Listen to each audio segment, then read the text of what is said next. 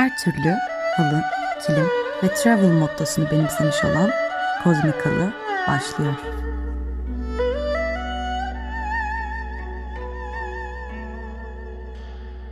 Bugün bir kahve içmeye gidelim dedik. Çıktık ve yaklaşık 10 e, tane kafe gezdikten sonra hiçbirini beğenmeyip en sonunda bir yerde yemek yemeye karar verip ve de düzgün de pek bir yemek bulamayıp en son ben kendimi krebin yanında şarap içerken buluyordum. Yani böyle saçma sapan bir durum gelişti ve eve döndük. E, kahvemizi evde içtik ve ben dedim ki bundan sonra gerçekten tarzıma uygun e, Lüksemburg'da bir şey aramayacağım. Kafe aramayacağım yani. hani kahveni iç, arkadaşına sohbet et ve çık git yani. Hani düşünme. Ay şurası iyi, burası iyi falan diye. Şimdi Instagram'dan böyle görüyordum. Ee, yani reklam yapıyorlar işte şuraya git, buraya git falan filan. Ama hiç gözüktüğü gibi değil. Yani böyle bir şey Türkiye'de bir arkadaşımla yaşamıştım mesela. Bir kuaföre gittik böyle aşırı güzel işte e, bir nasıl desem salıncağın önünde fotoğraf çekinip atıyorlar bilmem ne. Böyle kızlar işte saçlarını ombre yaptırmış falan. Ama böyle gidiyorsun dışına bakıyorsun hiç alakası yok o fotoğrafta görünen yerle. Sonra bir kafeye daha gitmiştik mesela orada da böyle çok güzel bir dekorasyon yapmışlar girişine. Zannediyorsun ki gittiğinde bütün kafeyi öyle bulacaksın yani. Ama hiç alakası yok tabii ki. Aynı durumu yaşayarak eve geri geldim. Mesela düşündüm dedim ki Türkiye'de bu kahve kültürü bayağı gelişmiş yani. Her ne kadar Instagram'da bu tarz çakma yerler olsa da çok güzel kafelerimiz var şimdi. Neden burada öyle bir şey yok? Aslında burada öyle bir yer olmaması değil sorun. Yani burada mesela iki tane Starbucks var. Bir tanesi havalimanında, bir tanesi Kirchberg adı verilen e, bu işte Avrupa Parlamento binalarının olduğu işte beyaz yakalıların çalıştığı bir, bir tarafta yani. O da dışarıdan çok göç aldığı için, farklı ülkelerden insanlar geldiği için adam yani diyor ki başlarım Lüksemburg'una ben Starbucks içeceğim yani. Yoksa çalışmam diyor yani getir bana Starbucks diyerek bir yer açıyorlar böyle. iki tane Starbucks var yani ülkede.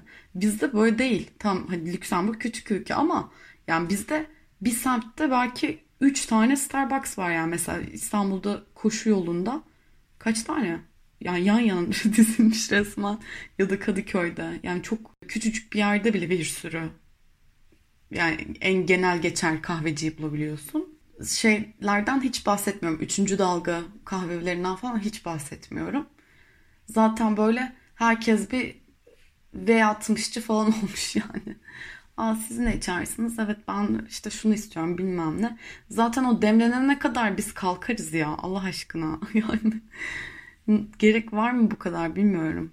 Neyse aslında benim oradaki aradığım şey çok güzel bir dekorasyon olması falan değil. Sohbet yok, muhabbet yok burada yani. Sıkıntı bu, birazcık da bence. Buradan aklıma şu geldi. Nereye bağlayacağım şimdi?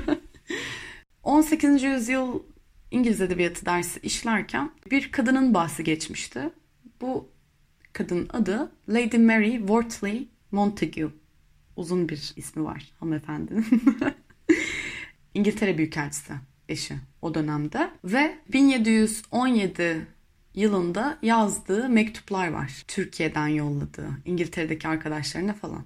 Bir kısmını kızı yakıyor bu mektupların, bir kısmına ulaşılabiliyor bilmem ne. Ya birazcık da çetrefilli böyle değişik bir hayatı var bu kadının işte. İtalya'ya gidiyor, kendisinden yaşça küçük bir e, çocuğa aşık oluyor böyle. 24 yaşında belki kadın 40 küsur yaşında falan. Ondan sonra eşi ölene kadar gitmediği söyleniyor. İtalya'da kaldığı söyleniyor falan. Böyle değişik bir hanımefendi ve ya o seneler için cesur diyebiliriz. Ve aslında şöyle Türkiye'de kaldığı dönemde de Türkçeyi çok iyi konuşmaya başlıyor 4 ay içerisinde. Bu yazdığı mektuplar sayesinde de şu oluyor. Çiçek aşısını İngiltere'ye tanıtıyor. Ee, oğluna yaptırıyor bu aşıyı. Ve böyle bir şey var diyor yani bu hastalıktan kurtulabiliriz diyor. Bir de hamamlardan bahsediyor bol bol. Bir de bu kadın yani Türkiye'ye gelince resmen lale, ipek, kahve bir de hamam hayranı oluyor çıkıyor gidiyor. Böyle sürekli minderlerden bahsediyor işte ipek oluşlarından bilmem neden ee, ne bileyim kahve kültüründen falan filan bahsediyor. Ama diyor ki burada kadınlar kahvehanelerde oturamıyor. kadınların kahvehanesi de hamamlar diyor. Bu hamamlarda da kadınlar yarı çıplak diyor. Böyle şerbet içiyorlar, kahve içiyorlar falan.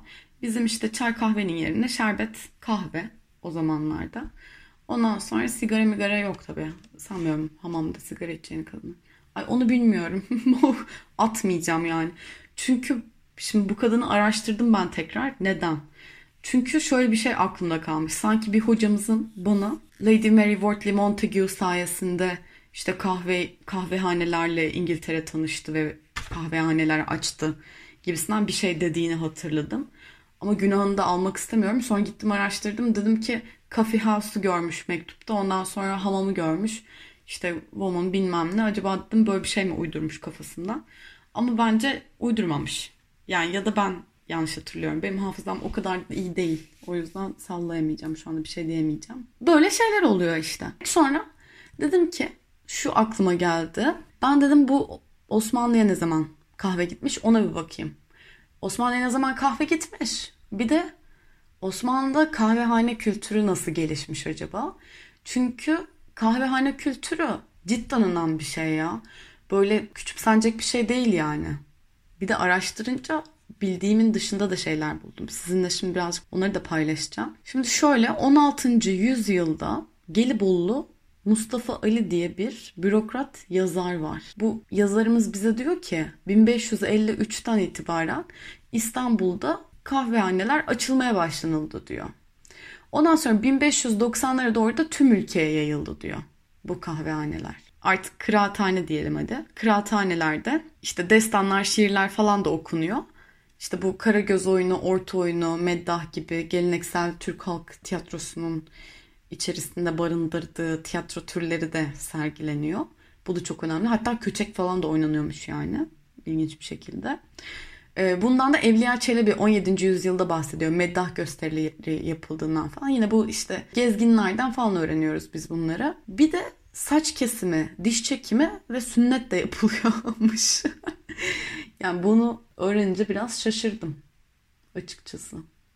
Ve birisi makalesinde demiş ki evden, işten ve ibadetten kaçmak için demeyeyim de ya bunların haricinde böyle kendilerini rahatlatabileceği erkeklerin bir yer haline gelmiş yani. Dünyevi meseleler konuştukları.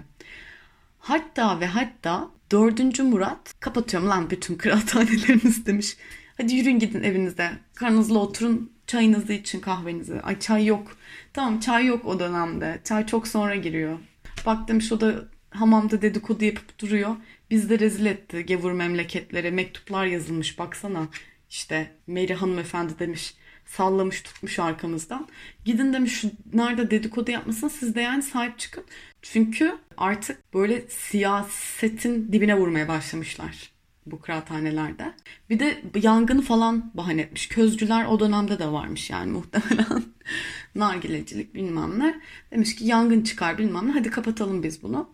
Ondan sonra böyle birkaç kişi de uyarmış. Demiş ki yani yapma etme yemin ederim kan çıkar. Bu adamları biz zor zapt ediyoruz zaten. Bir tek orada enerjilerini atabiliyorlar. Yani demiş olmaz böyle şey. Ha, yasak getirilmemiş ki devam etmiş tabii ki yani 17. yüzyıldan sonra da.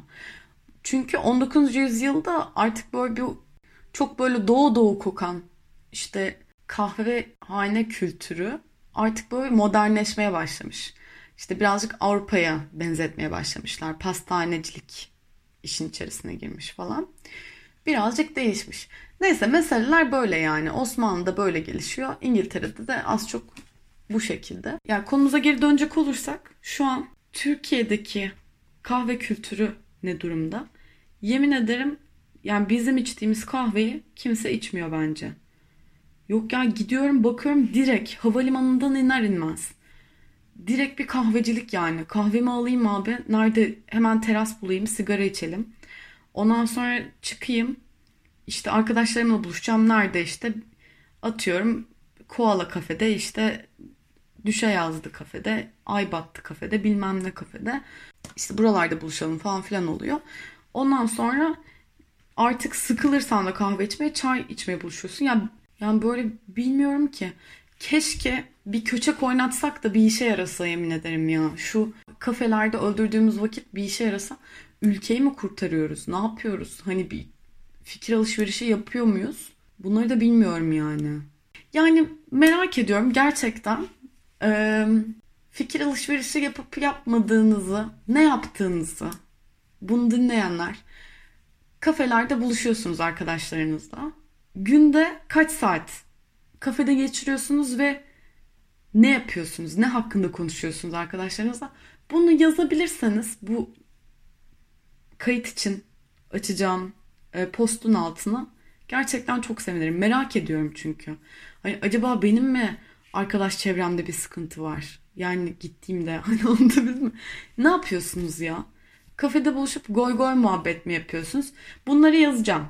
İşte bir, goy goy yapıyoruzcular. İki, işte kültürel sohbet. Yeme beni. Ne kültürel sohbeti? Üç, abi işte YouTuber mı olsam ne yapsak? İşte yeni medya. Buna bir an önce girmek lazımcılar. İşte dört, ders çalışıyorumcular. Gerçi aslında gerçekten ya bir de ders çalışıyorumculara helal olsun. Çalışın yemin ederim gidip. Burada dedim ki ben burada işte ders çalışamıyorum evde falan filan. Gideyim dedim alışmışım Türkiye'den. Bir kafede çalışayım bari falan dedim. Böyle bir gittim millet garip garip bakıyor yani. Biraz garip bir ülke burası bu arada. Olur mu öyle şey falan diyenleriniz olacaktır. Gerçekten biraz fazla böyle elitistler. Hani git kardeşim kütüphane ya çok kuralcılık mı artık ne bu bilmiyorum. Yani tamam bir, bir süre sonra alışırlar sana sen ders çalışırken ama böyle garip kaçıyor yani burada kafede açıp böyle kitaplara o ders çalışmak falan. Biraz garip oluyor. Hani bir süre belki bilgisayarla idare edersin. Hani defter açmak falan değil de. Ama o da bir süre sonra batıyor olabilir yani. O da olmuyor. O yüzden aslında kafe kültürü iyi bir şey mi kötü bir şey mi ya? Bilemedim. Çünkü kütüphane görevini görüyor. Goy goy mekanı görevini görüyor yani. Arkadaşınızla oturup dedikodu yapabiliyorsunuz. Zaten yandakinin dedikodusunu yapsam bile kimse kimseyi duymaz yani. Full çekiyor buralar. Ondan sonra ne yapabiliyorsunuz? Her şey yapabiliyorsunuz ya. Ne bileyim. Zaten bir de şöyle de bir şey var. Şimdi şunu da düşünüyorum. Sinemaya gitsek 20 lira olmuş mudur sinema? Kaç bilmiyorum. Bayağıdır sinemaya gitmiyorum yani. Arkadaşınla sinemaya gitsen ne yapacaksın? Bir işte bunun popcornu var, şusu var, bilmem nesi var. Yani gidip 6 liraya Starbucks'tan artık 7 lira ya da neyse ya da başka bir kafeden kahve alıp işte bazen oluyor ki sırf uzunca ders çalışayım diye belki de e, onu alıp böyle akşama kadar orada tutuyorsun yani masada. İşte kahve içiyorum. Çalışabilirim istediğim kadar gibisinden. Yani bu, bu açılardan da mantıklı. Sizin düşüncelerinizi merak ediyorum. Lütfen bu e, kafeyle ilgili ne yapayım? Lady Mary Wortley Montague'nun resmini koyayım. Post atayım Instagram'a. Ve altına fikirlerinizi yazın lütfen. Merak ediyorum. Siz ne düşünüyorsunuz? Çünkü ben bu işin içerisinden çıkamıyorum yani. Tavuk yumurta olayı nasıl oldu benim kafamda? Ee, iyi mi kötü mü? Ne gibi faydaları var? Bunları bir yazın ya. Merak ediyorum. Ondan sonra olmadı yine bir sizin yazdıklarınız üzerinden bir kayıt alıp konuşacağım.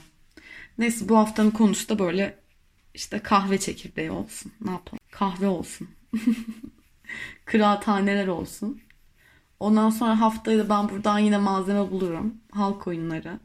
Ondan sonra halk masalları. İşte Karagöz oyunu, orta oyunu, köçek falan üzerinden ilerleriz. Ondan sonra bir anket yaparız işte. Sizce Starbucks'larda köçekler şey olsun diye. Aman neyse ne çok saçmaladım. Ee, hadi bakalım. Bekliyorum yorumlarınızı. Öptüm hepinizi. Görüşürüz.